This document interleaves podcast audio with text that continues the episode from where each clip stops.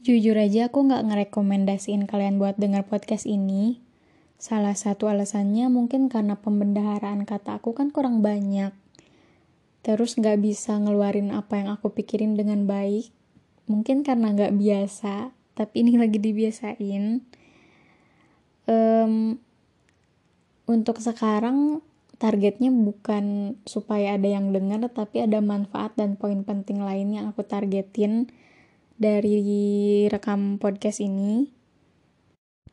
Banyak hal yang perlu aku pelajarin mulai dari sekarang. Dan dari titik terendah ini aku mau coba buat ngurai masalahnya satu-satu, cari info, cari tahu, cari solusinya apa, share usaha-usaha yang udah aku lakuin, dan dengan direkam prosesnya di sini bakal memudahkan aku buat flashback nantinya.